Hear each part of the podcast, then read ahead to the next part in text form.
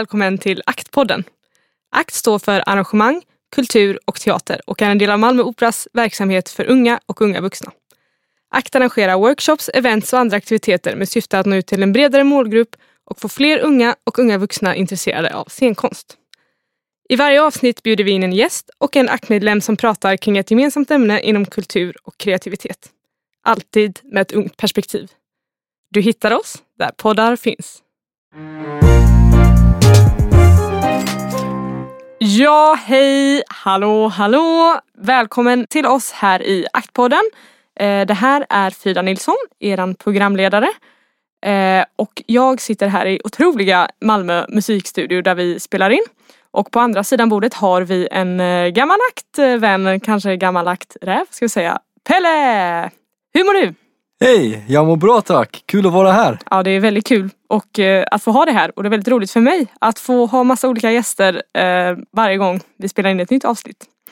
Eh, du har ju varit med i Akt ett litet tag nu så jag tänkte om du kanske skulle vilja börja med att berätta lite om hur du hittade oss och eh, vad du har gjort hittills i Akt. Alltså jag kom ju först i kontakt med ACT. Det var en klasskamrat till mig. Hon hade lagt ut på Facebook och- Mhm. och jag läste direkt. Jag såg Malmö Opera och tänkte jag, jag måste bli medlem. Mhm. Det som har med såna institutionsteatrar så att då tackar jag liksom ja till det hela tiden. Så Du hoppar på. jag hoppar Vis, på. visste du vad det var för någonting då? Nej, faktiskt inte. Nej. Hur känns det nu när du sitter här i studion? Ja, men det känns fantastiskt och intressant. Ja. Vad, eh, vad är din förhoppning att du ska få göra förutom att vara med i pods?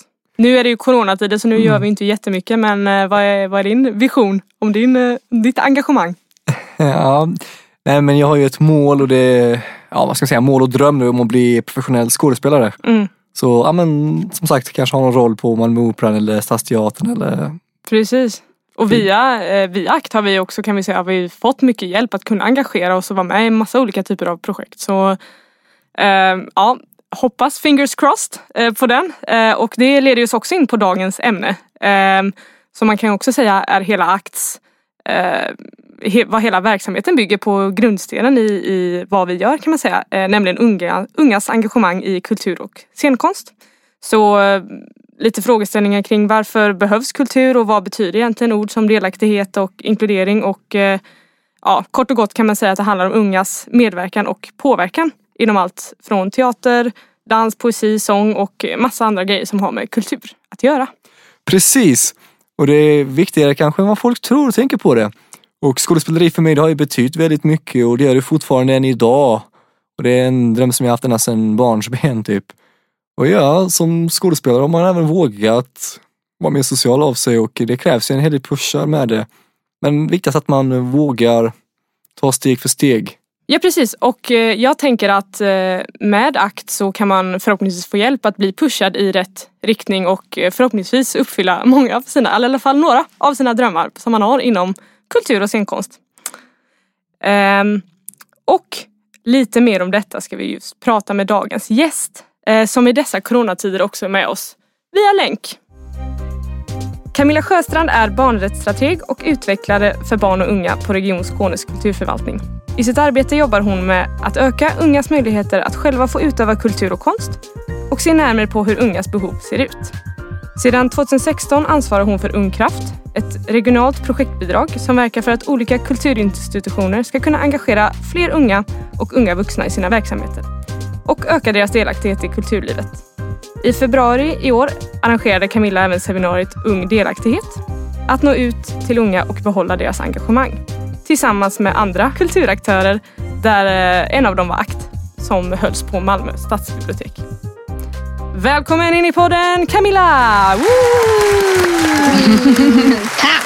Hur, hur känns det att vara med på länk? Men det känns fantastiskt rätt faktiskt. Det känns helt rätt. Ja, vad härligt. Mm. Det, det, det tycker vi med. Vi hade gärna träffat dig in person men eh, det är ju så här nu för tiden. Ja, Jag sitter här och snorar lite och jag tänker att det är bättre att jag sitter på Ja. här borta och ni där. Väldigt bra att belysa detta här också i podden. Det är ingen som kan se oss men eh, nu har vi fått det sagt.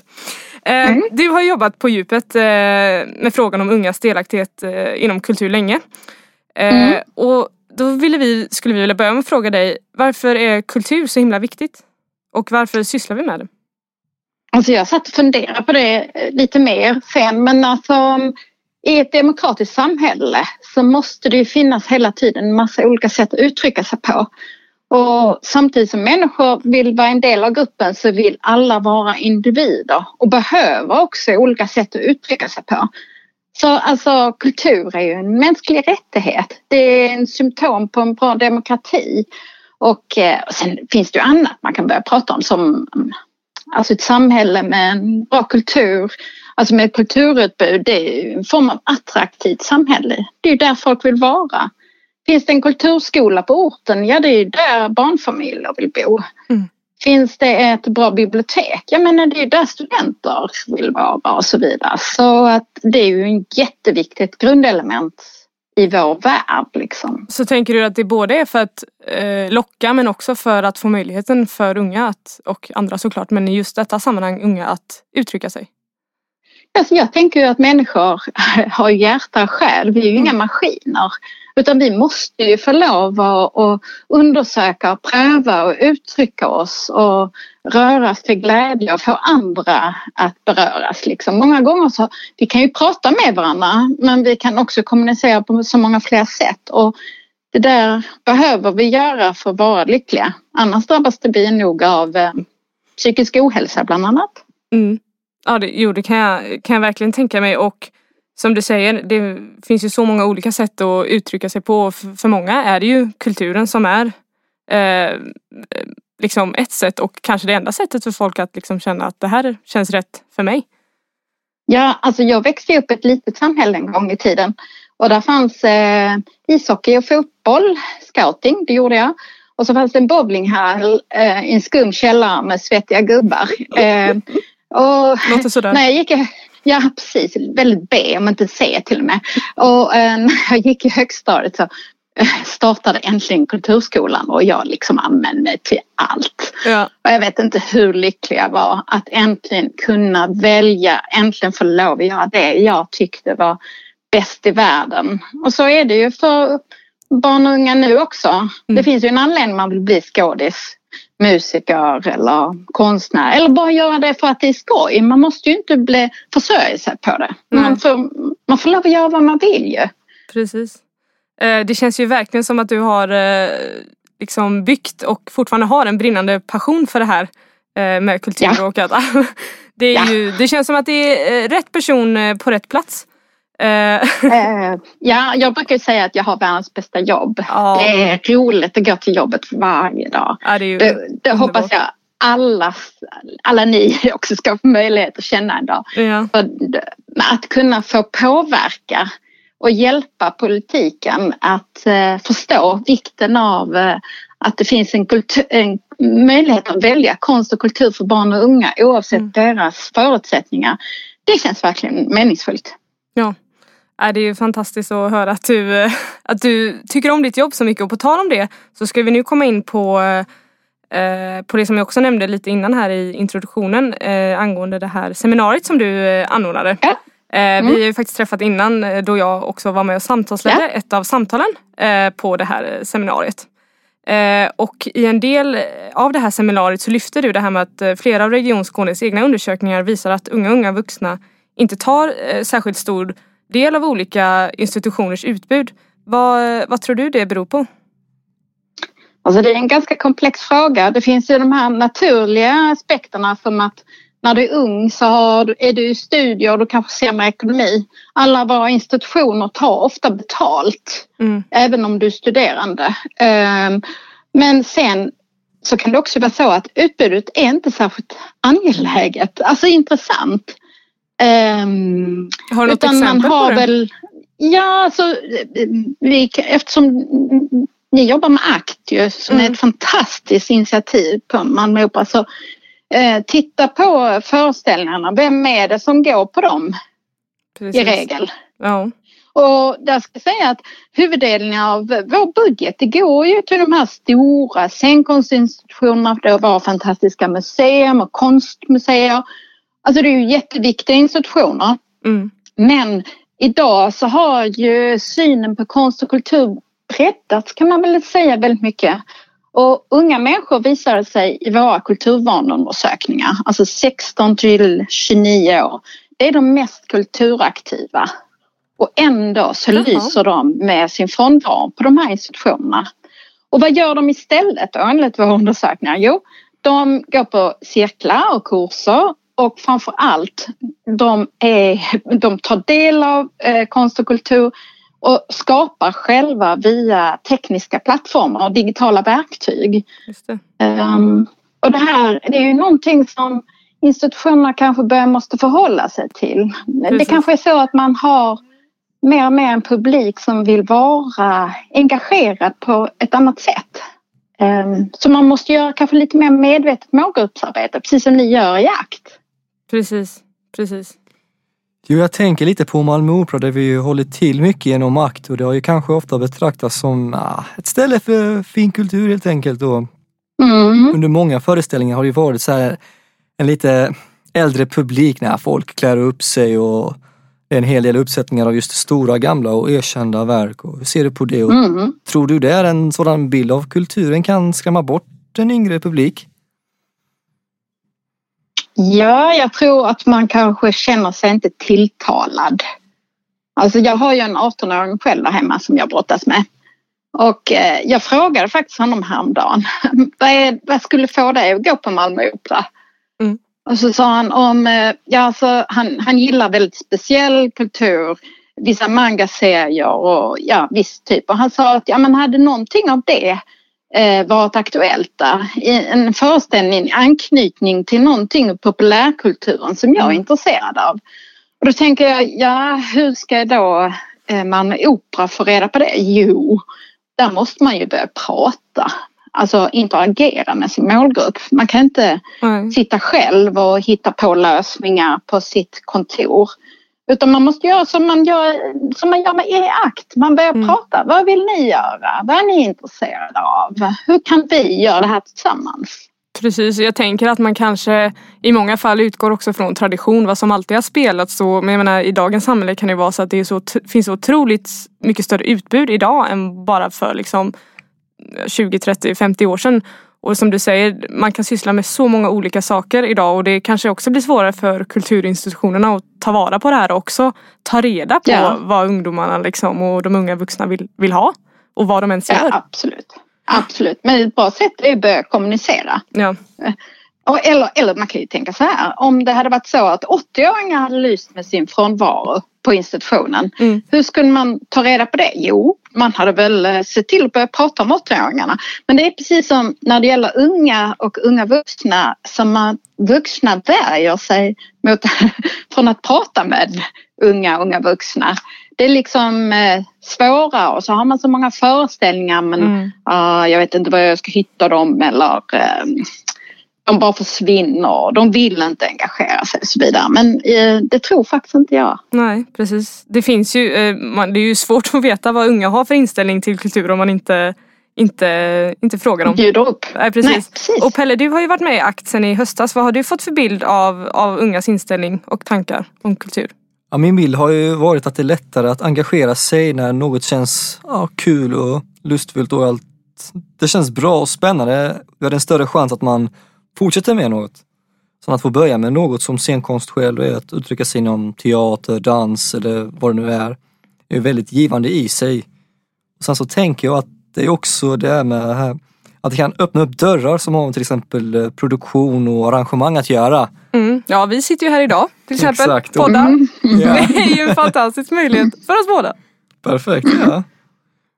Eh, ja, och jag, jag tänker också det att vi har ju fått möjlighet att engagera oss liksom, i något som är ett intresse men nu sitter vi här i någon otrolig studio och sitter här och känns väldigt professionellt och jag menar i framtiden kan det kanske bli att ja, vem vet, en dag kanske vi jobbar med det här på, eh, på heltid. Man vet inte. Mm. Eh, Nej, och det var ju som när man gick, eh, jag minns när man gick i gymnasiet så stod man ute för syokonsulenten ja, och så fanns det ett sånt där bås med olika yrken liksom. ja. Men alltså det var, och man kände att nej men jag vill inte göra någonting av det där. Det är ju först när man gör som ni gör, får insyn och prova på som faktiskt nya yrken öppnar sig. Verkligen. Jag känner verkligen igen mig i det där och jag menar vi har ju fått eh, möjlighet att arrangera massa eh, projekt och workshops och eh, jag får ta del av liksom, strategiarbete och nu sitter man här och gör en podd och jag känner att det här hade jag ju säkert kunnat jobba med liksom, i framtiden. Mm. Alltså, heja heja! Ja tack, tack. Nej och som du säger, eh, att bara öppna upp för att få möjligheten för att testa upp är ju en stor grej. För jag tror att hade inte vi varit med i ACT så hade vi aldrig fått sitta här och då hade vi aldrig fått testa på.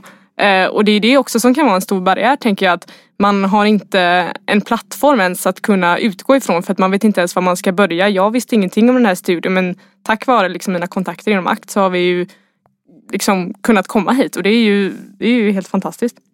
Och, och allt det du säger nu, det var exakt det här jag hoppades en gång få höra när vi igångsatte det här projektbidraget Ung Kraft. Mm. Att visa att dels öppna upp dörrar för unga men också för institutioner att våga ta eh, diskussionen, dialogen, relationen med unga människor på en institutionsbas. Precis. Och mycket som vi pratade om där var ju också att de här eh, organisationerna, institutionerna vet liksom inte hur ska vi nå ut och var, var finns alla? Ja. Det är ju såklart en jättesvårt och har ju också att göra med att alla är på massa olika eh, plattformar och kanaler. Man vet inte allt ens vad det finns och det kommer upp nytt hela tiden och allt går väldigt snabbt. Ja. Så att jag förstår ju att det finns ett, eh, liksom en problematik i det. Ja, och där, och, där, och där måste man ibland göra som så att man nästan anställer någon för att dra igång det. Så som eh, till exempel Miriam var en gång. Eller Sara på Trelleborgs museum och Magora eller André uppe på Musik i Syd. Liksom. Mm. Men eh, ja, man behöver någon som bjuder in och, och ger möjligheter och sen får det ringa på vattnet. Och sen Mm. finns det organisationer som TIFF tillsammans i förening som är superba att samarbeta med. Precis. Och kudos och all eloge till alla de här människorna som har dragit igång detta så att eh, sådana som jag och Pelle får, eh, får ta del av det och eh, vara med och lära oss och utvecklas. Eh, och eh, som sagt eh, som, som du säger, det krävs ju, det krävs ju att någon som drar igång det och det krävs eh, folk med mycket driv och eh, mycket liksom initiativförmåga och eh, idérika människor för att det här ska kunna fortsätta och öv, liksom överleva. Men jag tänker också det krävs ju också eh, såklart resurser och det är ju en pågående debatt just nu bland, eh, bland olika politiska partier om vilka resurser som kulturen faktiskt ska få. Eh, och det finns ju väldigt mycket delade meningar kring det här. Vissa vill skära ner på budgetar och vissa vill eh, liksom öka den. Och eh, verksamhet styrs ju av regionala beslut men eh, upplever ni att den här debatten och de här olika förslagen skulle kunna hota er verksamhet? Ja, så alltså till viss del gör det ju verkligen det. Vi måste ju prioritera om vi får mycket mindre pengar och göra konsekvensanalyser för att kunna ge politikerna ett underlag för att visa, ja, har vi mindre medel så om vi gör så här så händer detta, om vi gör så här så händer detta. Men hittills under alla mina år i kulturförvaltningen så måste jag säga att politikerna har hela tiden stått fast oavsett partifärg Mm. att barn och unga är prioriterade. Alltså vi gör nedskärningar men det får inte påverka den kultur och konst som når vänds till barn och unga som är till för dem. Ehm, Det måste jag säga att det har alltid eh, varit så. Tycker du att det har visat sig också? Alltså så här, man kan ju tänka, ja de säger en sak men sen så är det en annan sak i verkligheten. Men tycker du att det har faktiskt varit så att, att det inte liksom Ja, i Till realiteten viss att säga? del eh, tycker jag det och, och sen kan man ju gå ner i olika konst och kulturområden och säga att ja, där blev det så och Mm. där blev det inte så. Men ehm, alltså huvuddelen av den konst och kultur som barn och unga tar del av är kommunal, alltså Mm. 70-80 procent. Mm. Så vad vi många gånger gör, försöker göra och allt tydligare nu med barnkonventioner som lag, det är ju att ge kommunerna förutsättningar att jobba med till exempel delaktighet och inflytande eller se till så att det finns eh, subventioner som betalar halva biljetten så att de regionala medlen till exempel bjuder upp de kommunala så att vi bygger liksom hållbara strukturer. Och kan förstärka. Men ehm, och sen är det ju också så att eh, alltså till varje institution så ger vi ju villkor. De är väldigt löst formulerade. Så Vad menar du med det?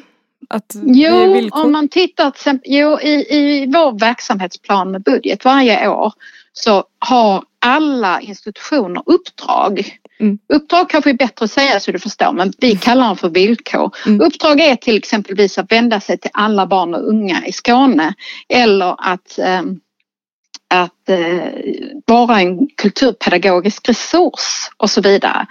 Eh, jag tar sådana exempel eftersom jag jobbar med kulturbarn och unga så Mm. känner jag till dem bäst.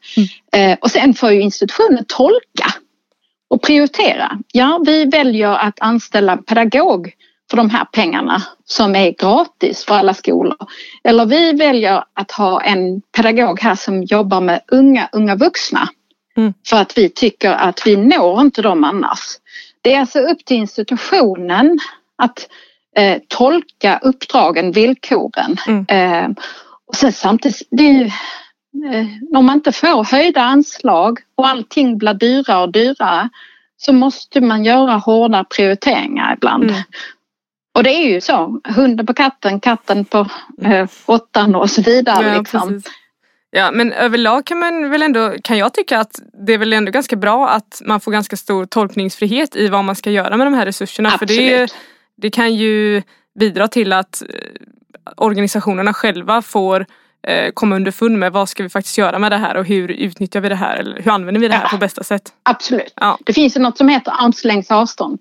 Politiken och tjänstemännen ska inte lägga sig i Nej. vad institutionen gör. Vi kan bara se att eh, eh, till exempelvis att eh, 0 till 18 år, antalet människor i Skåne som är 0 till 18 år är ungefär 22 procent av befolkningen. Mm. Och då vet jag till exempelvis att våra kulturarvsinstitutioner, alla museer och förbunden, de har sagt ja, men är barn och unga en prioritet så ska vi försöka jobba för att 25 procent av våra besökssiffror består av gruppen 0 till 18. Mm. Ehm, och det, men det är upp till var och en hur man jobbar för det. Det, det är de som är experter där ute vi försöker ge förutsättningarna. Mm.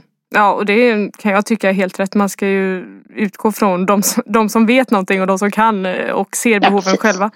Ehm, för att avrunda det här, vad, vad skulle du säga är några av de viktigaste lärdomarna som, som du har fått i ditt, ditt arbete och vad, vad är dina förhoppningar om vi blickar framåt? Eh, mina för, jag börjar med förhoppningar att blicka framåt. Jag tänker att den här coronaläget vi har just nu har tvingat upp oss i 2000-talet med en våldsamhet i den meningen att vi har blivit så digitala. Vi har liksom hållit på ganska länge och harvat Mm. tycker jag, så som om vi levde i 1900-talet. Jag hoppas ju, och nu ser jag att unga, unga vuxna och ja, barn och unga generellt är väldigt digitala och duktiga. Och jag tror att vi kanske kommer komma eh, ännu längre fram med hjälp av att den yngre generationen kommer växla upp det här på något sätt. Det är min förhoppning. Och mitt bästa, eller vad sa du, lärdomar som Mm. mitt arbete har gett mig. Det är, och det, nu tar jag lite personligt för att jag är en ganska otålig person. Jag vill liksom att det ska hända någonting. Mm. Men tålamod, att stå fast, att vidhålla. Nej, vi ska göra detta. Nej, det blir bättre om vi gör så här. Nej, men titta här. Liksom. Var tålmodig och stå fast vid en övertygelse och låt folk ibland få lite tid att tänka och förstå. Mm. Ja, det, är, Eh, det är en otroligt eh, härligt sagt av och något som jag hoppas kan inspirera andra och eh, liksom unga unga vuxna också i sitt att ja, nej, vi ger inte upp och vi kämpar på och ja, till Pelle Heja, här heja. också, heja! Ge inte upp på din skådespeleridröm. Alltså det är ett steg i taget. Det kommer bli Helt he- rätt. helt fantastiskt. Det är Eh. så man äter en elefant. Man tar en liten bit i taget. Exakt. Dela upp elefanten. Det är det vi gör. Och eh, med de elefantorden så tackar vi dig jättemycket för din med- medverkan eh, Camilla och jag hoppas att vi ses snart igen. Jag med. Keep up good work. Tack ska du ha. Tack, We tack. will. Ha det gott. Yes. Det gör vi. Hej. hej. hej.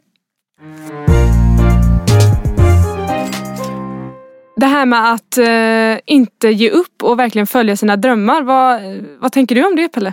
Jag håller definitivt med henne för att det är man, har man en dröm så ska man verkligen ta vara på det och eh, typ inte lita på någon och bara fortsätta. Exakt. Vad, vad ska du eh, själv göra härnäst för att eh, uppnå dina drömmar? Ja, det är väl bara, först och främst, det kan finnas ett ord som jag kallar för fighting spirit som man känner Mm. igen. aktivera min fighting spirit och sen bara kötta för att få min, lyckas med min dröm som skådespelare eller med att komma in på Teaterhögskolan som jag också siktar på. Men Det här med fighting spirit, det var ju väldigt intressant. Hur, hur aktiverar du den för oss som är intresserade av att få något liknande hända? ja, ofta- oftast brukar jag fråga med mig själv, alltså typ sitta med en liten, som en mindfulness, men bara tänka på mig själv och fråga varför gör jag detta? Liksom, vad är anledningen? Typ fem minuter och sen bara kötta. Utan det är som, det, ja, vad ska man säga? Du ser en bergstopp. Nu ska jag nå toppen på Mount Everest. Det får ta sin tid, men dit ska jag. Just nu så går- på fredag kommer jag gå ut min utbildning på Fridhems scenkonststudio.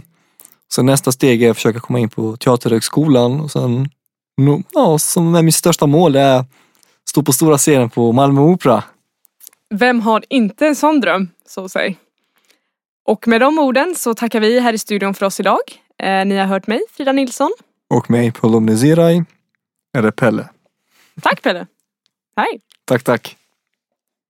Eh, förutom ACT så eh, nämnde Camilla också några andra föreningar som vi såklart vill lyfta. Magora från Trelleborgs museum, eh, TIFF tillsammans i förening och Musik i Syd i Kristianstad.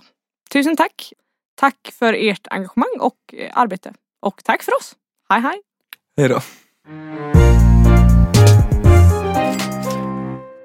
Tack till våra sponsorer Stiftelsen Signatur, Swedbank och Sparbanksstiftelsen Skåne. Idag har ni hört mig, Frida Nilsson, programledare. Projektledare är Miriam Riaje, producent Lina Tillberg och tekniker Jens Illström.